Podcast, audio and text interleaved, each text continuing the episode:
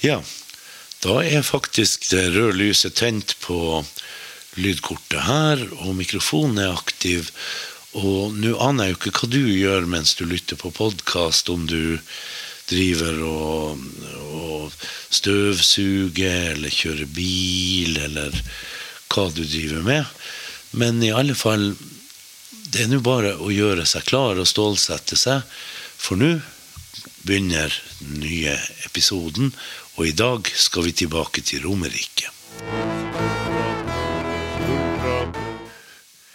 I dag så sitter jeg nok en gang med en sølvmynt foran meg, og det er en av de mest fascinerende sølvmyntene jeg noensinne har holdt i hendene, og jeg er særlig glad for at den faktisk er min. Og det er en mynt som faktisk har en liten hemmelighet også, og den skal dere få høre litt om ganske snart. Men det som er saken med den På den ene sida så har den et ansikt av en gudinne. Det er Libertas.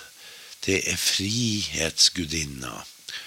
På den andre sida, reversen som man jo kaller den, så er det en mann, en såkalt konsul, altså det høyeste vervet i Roma, som går sammen med liktora. Liktora skal jeg forklare seinere hva er, men det var kort sagt da folk som gikk med staver og øks, som ble brukt til henrettelser, og det viste at da konsulen hadde makt til å dømme romerske borgere til døden, som den eneste som hadde det da. Og den der personen er en veldig viktig person i romersk historie. Og ikke minst så fikk han sin egen sønn henretta for en sak, og det var nok til å gjøre han til en evig helt i Roma. Denne mynten er slått 500 år etter det skjedde, av en av hans etterkommere. Og det er litt av en historie. Mannen som er på baksida av mynten, han het Lucius Junius Brutus. Grunnleggeren av den romerske republikken. Og mannen som, som ung adelsmann fikk slått denne mynten, het Marcus Junius Brutus. Og hans navn kjenner alle. Det var mange som var med på å ta livet av Cæsar, men hvis man spør folk hvem gjorde det, så kjenner folk bare ett eneste navn. Og det er Marcus Junius Brutus. Det vil si at han het Marcus Junius Brutus, er det jo bare oss nerdene som vet. De aller fleste vet at han het Brutus. Og det er, ja, det er det folk vet.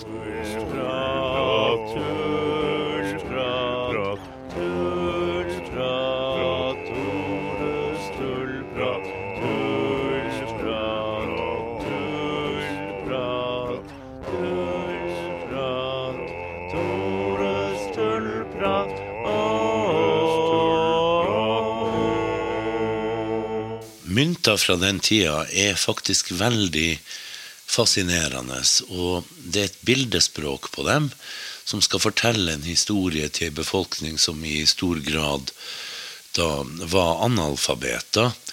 Og den her er litt spesielt interessant.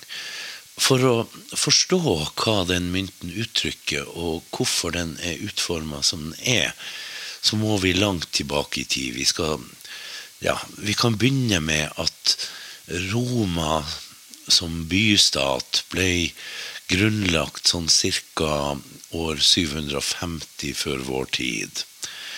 Og var jo da i lang tid et kongedømme som stort sett alle bystater i de tider var. Det er jo ikke så uvanlig, men det som var veldig uvanlig, var at en gang så var det en kongssønn som het Sextus Tarquinius, som voldtok ei adelskvinne i Roma. Og det var ingen liten sak, fordi romersk moral, det var strenge greier. Og det her eh, førte jo til ganske mye. Fordi denne adelskvinna, Lucretia het hun, hun bønnfalt sin familie om at de skulle ta hevn, og så tok hun livet sitt. Og det her førte til en rett og slett en revolusjon der den siste kongen i Roma, Lucius Tarquinius Superbus, ble rett og slett jaga fra byen, og det ble jo en krig og et styr ut av det.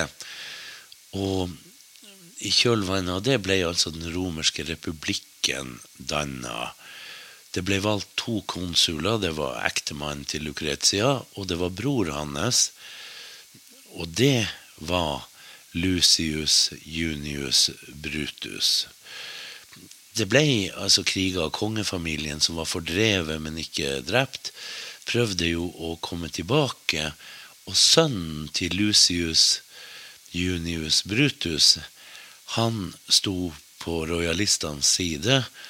Og det endte faktisk med at gamle Lucius fikk sin egen sønn henretta fordi han slåss mot republikken. Så en ganske blodig historie, og det er ikke mange fedre som ville valgt å gjøre det samme. Men i Roma ble altså da Lucius huska som en som var så opptatt av frihet at han til og med gjorde det. Til og med dømte sin egen sønn til døden og lot han henrette. Det er en ganske grov ting å gjøre, men det gjorde han altså til en helt en slags frihetshelt for Roma. Republikken fortsatte jo da. Det var jo en republikk med, med store svakheter, som jeg tidligere har nevnt. Men de hadde et slags folkestyre. De hadde jo et senat bestående av såkalte patrisiere. Og det var jo de familiene som var med på selve revolusjonen, som kasta ut kongen, som utgjorde senatet, som hadde betydelig makt.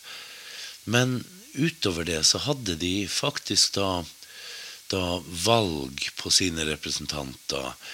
På konsuler og sånt. Etter hvert ble systemet raffinert. De hadde tribuner, en slags ombudsmenn for folket og sånt som kunne stå opp mot konsulene når det var maktmisbruk og den type ting. I det hele tatt, altså Ikke et demokrati som vi kjenner det, men likevel for sin tid en brukbart avansert stat. Og et av de store symbolene på denne friheten var altså da minnet om Marcus Junius Brutus. Det er ikke tilfeldig at på den andre sida av mynten så er frihetsgudinna Libertas. Romerne brukte jo mange slags gudinner og guder på på myntene sine. Seiersgudinna Victoria eller Roma som gudinne med stridshjelm på hodet og, og, sånne ting. Men her var det Libertas, og det er ikke tilfeldig. Frihetsgudinna kobla med frihetshelten. Det er gjort helt med vilje. Denne mynten er nemlig slått 500 år etter revolusjonen der Lucius Junius Brutus da leda det hele. Så den her er, er altså et klart laga for å minnes en forfader. Og han som gjorde det, som hadde de her enormt store skoene å fylle, det var altså Marcus Junius Brutus. Og hvorfor er denne mynten slått? For den er slått lenge før Cæsar ble noen stor mann i Gallia. Lenge før de problemstillingene oppsto som gjorde at Brutus var med og tok livet av han. Og i det hele tatt Hvorfor valgte han alt det her? Hvorfor, hvordan var han i en posisjon hvor han kunne lage mynt? Det er egentlig en ganske enkel forklaring på det.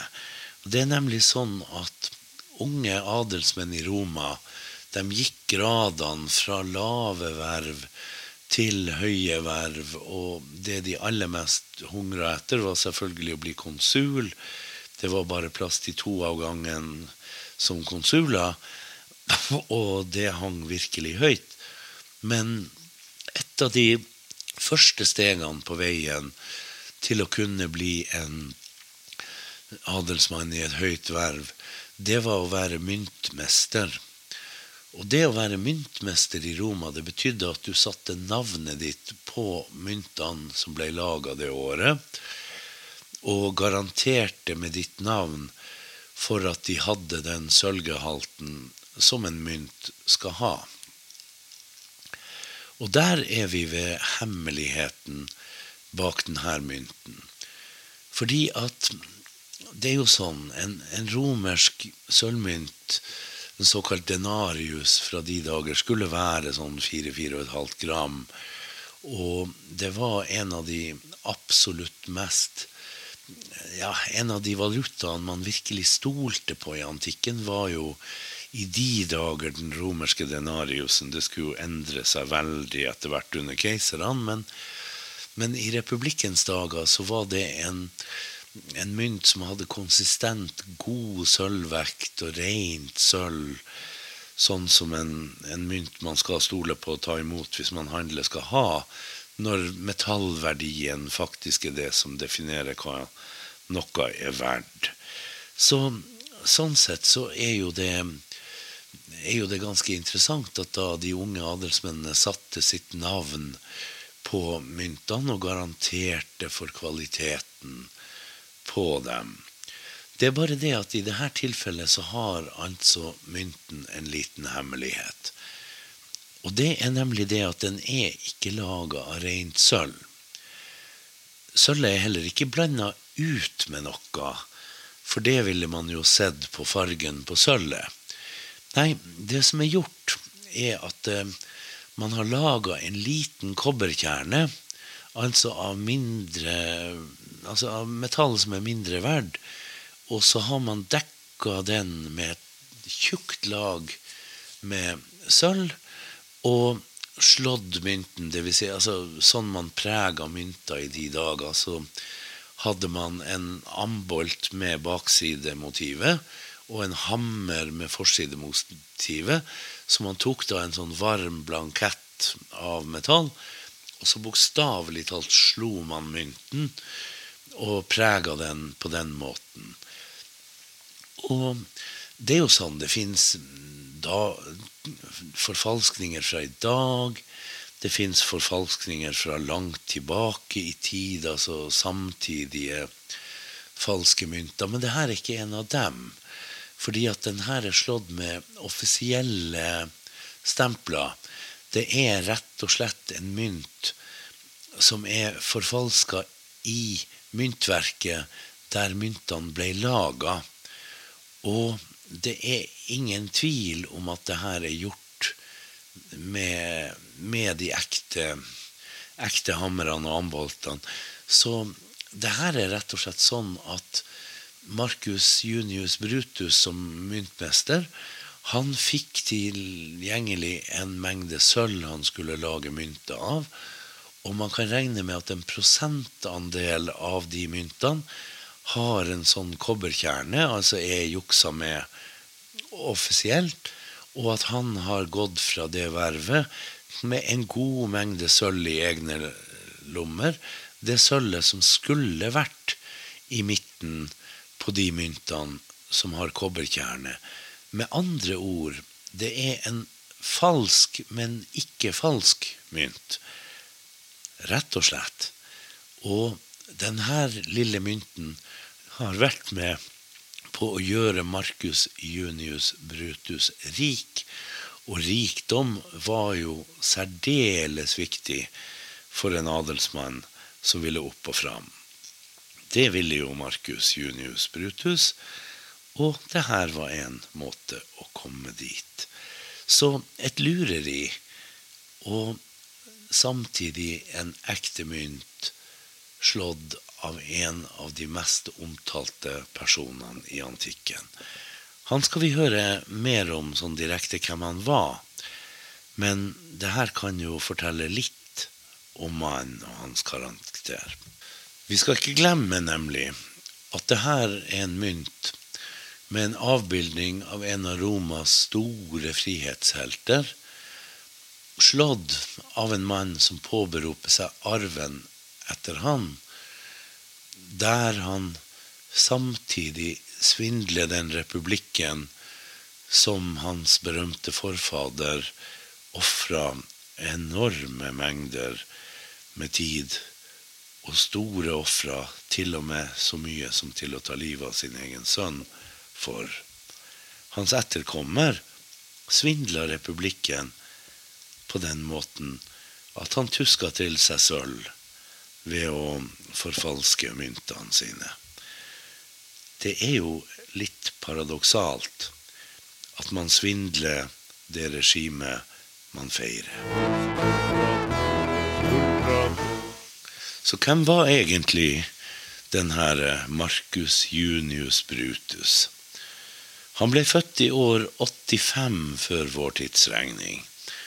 Og foreldrene var da Marcus Junius Brutus den eldre, som ble drept i den første romerske borgerkrigen. Han ble deretter adoptert rett og slett av Quintus Servilius Capio, som ble neste mann til mora hans. Mora het Servilia, og hun skulle få spille en ganske stor rolle. Det er nemlig sånn at Servilia var ei av Julius Cæsars utallige elskerinner. Det var en, en stor, kjent sannhet at Julius Cæsar var umettelig når det gjaldt kvinner. Onde tunger skulle ha det til at han var umettelig på menn òg. Og det er faktisk litt mer alvorlig enn man skulle tro i vårt mer opplyste samfunn. Nemlig fordi at i Romerriket var det sånn at, at sex mellom menn og unge gutter var helt ok. Mens i det øyeblikket det var snakk om mellom voksne menn, var det en helt annen sak. I Hæren var det sånn at, at soldater som ble tatt i å ha seg med hverandre, ble dømt til en straff som kalles bastinado, som rett og slett er å bli klubba i hjel. Og de brukte klubber i stedet for sverd og spyd og økser, rett og slett for at det skulle ta tid å gjøre vondt. Så når man mente at Cæsar drev med den slags, så mente man faktisk at han begikk en sak som burde straffes med dødsstraff. Cæsar hadde jo som kjent ikke så rent få fiender, og det er blant ryktene. Men at han definitivt hadde meget stor appetitt på kvinner, det er det ingen tvil om. Og da Kleopatra er jo den aller mest kjente, men Servilia, mor til Brutus, var altså ei av dem. Og Servilia og Cæsar hadde lang, et langt forhold. Og det er jo sagt at Brutus og Cæsar derfor sto hverandre ganske nær. De kjente hverandre godt. Men det skulle jo bli annerledes, for det ble jo en borgerkrig, da Cæsar kryssa Rubicon og den romerske borgerkrigen var et faktum, så tok jo Brutus da den posisjonen at han støtta optimates, altså den sterkt konservative delen av det romerske senatet. Og dermed så støtta han jo også Pompeius Magnus, som var Cæsar sin hovedfiende i borgerkrigen. Det var jo feil side å støtte tatt i betraktning at Pompeius tapte. Men da Pompeius Magnus var nedkjempa av Cæsar, så valgte Brutus og onkelen hans, Cicero den yngre, som også for øvrig hadde vært Brutus sin lærer og hans kommandant under Brutus sin militære karriere, de valgte å kapitulere, og begge ble altså da benåda av Cæsar. Nok en gang, som jeg har sagt tidligere, Cæsar valgte å benåde folk en gang iblant, hvilket var nokså uromersk i en tid hvor man gjerne tok livet av hverandre på de mest mulig bestialske måter. Så Brutus overlevde borgerkrigen sjøl om han hadde stått på feil side. Han var jo en adelsmann og senator og forblei det.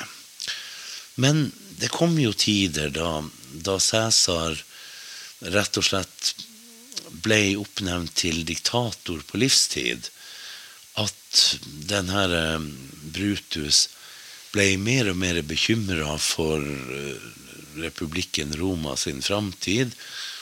Og han ble rett og slett rekruttert inn i konspirasjonen mot Cæsar, og ble en av lederskikkelsene i den konspirasjonen. Og han var jo da en av de mest aktive blant de bortimot 60 senatorene som tok livet av Cæsar.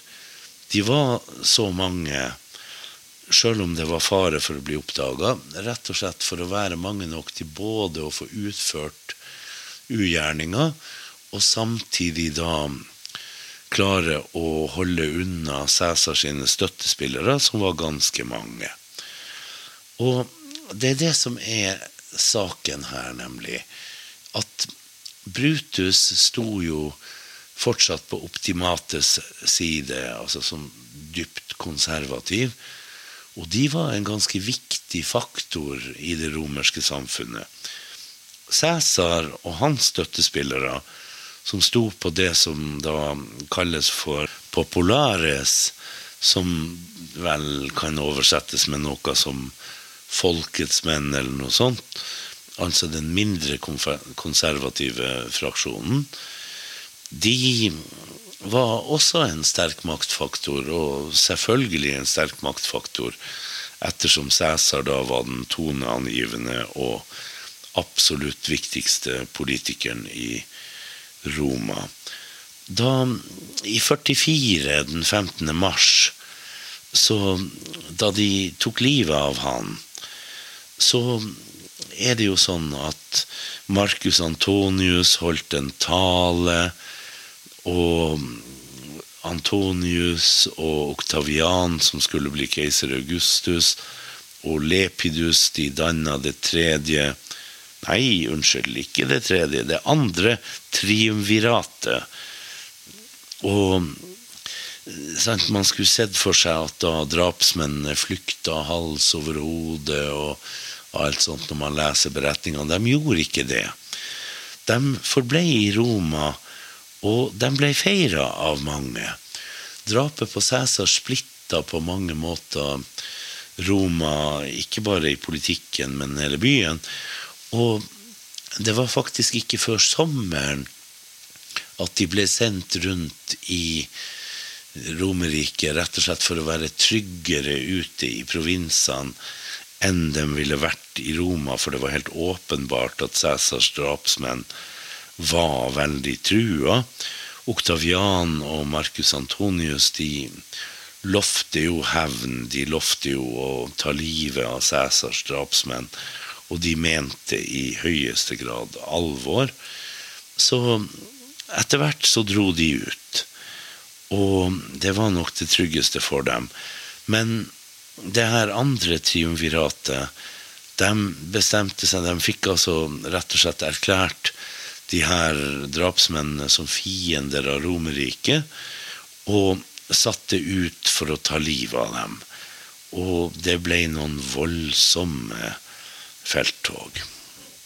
Så, i år 42 før vår tidsregning, så møttes hærene til Cassius og Brutus mot hærene til Oktavian og Marcus Antonius. Det ble et voldsomt slag, der Cassius ble beseira av Marcus Antonius, mens da Oktavian i første omgang tapte mot Brutus, men Brutus ble til slutt overvunnet. Både Cassius og Brutus begikk da selvmord etter slaget ved Filippi i Makedonia.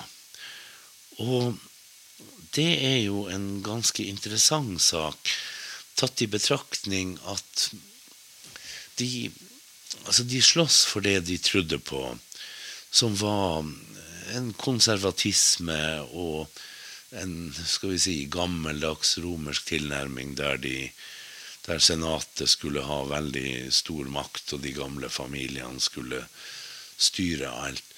Og kongedømmer og sånt, det var som gift. Det var noe de absolutt ikke ville tillate. Men på grunn av det de gjorde, fordi de drepte Cæsar, fordi de utløste den tredje store romerske borgerkrigen, så skulle det gå sånn at romerske republikken falt. De klarte rett og slett å sørge for at det de sloss for, ble til ingenting. Fordi ut av aska etter det her, så steig en ny kraft frem, nemlig en mann som aldri torde å kalle seg for konge, eller for den saks skyld keiser. Det var Oktavian Oktavianus, som ble da arving av Cæsar, og derfor, derfor automatisk hans adoptivsønn, som så tok navnet Gaius Julius Cæsar. Det forvirrer jo i all tid. Men så ble han utropt av senatet til Augustus. Den opphøya, vet du. Som sjøl aldri ville kalle seg som sagt konge eller keiser. Han kalte seg for princeps. Førsteborger. Og for han ville ikke Han ville absolutt ikke få samme skjebne som Cæsar men samtidig prinsepsen, førsteborgeren. Og prinseps er ordet som vårt ord for prins kommer fra. Og han ble den første keiseren, og han starta et arvelig monarki i staten som overalt på jord hata monarki. Det er et paradoks at de som skulle bevare republikken, endte med at, å sørge for at den falt, og at monarkiet skulle følge. Vi skal snakke mer om det som skjedde opp mot keiserdømmet, for det er masse mer med spennende mennesker. Det er ikke bare Oktavian alias Augustus. Det er ikke minst Kleopatra og hennes andre store romerske elsker, Marcus Antonius. Vi skal se ganske nøyere på det. Og Kleopatra-episoden skal bli fryktelig spennende. Men her og nå så slutter vi med historien om Marcus Junius Brutus, som jo er den som vi kjenner fra Shakespeare som også du, min sønn Brutus, sjøl om Cæsar sannsynligvis aldri sa det. Kanskje sa han det greske kaisu teknon, altså også du, din guttevalp. Men egentlig, mest sannsynlig, og som de tidligste kildene beskriver det, så sa Cæsar ingenting. Han bare dro togaen opp over ansiktet og sa ingenting mens han fikk 23 knivstikk i kroppen og døde. Og derfra så skjedde alt det her. Cæsars drapsmenn ble jakta ned og drept. Keiserdømmet kom, og som han sier, resten er historie.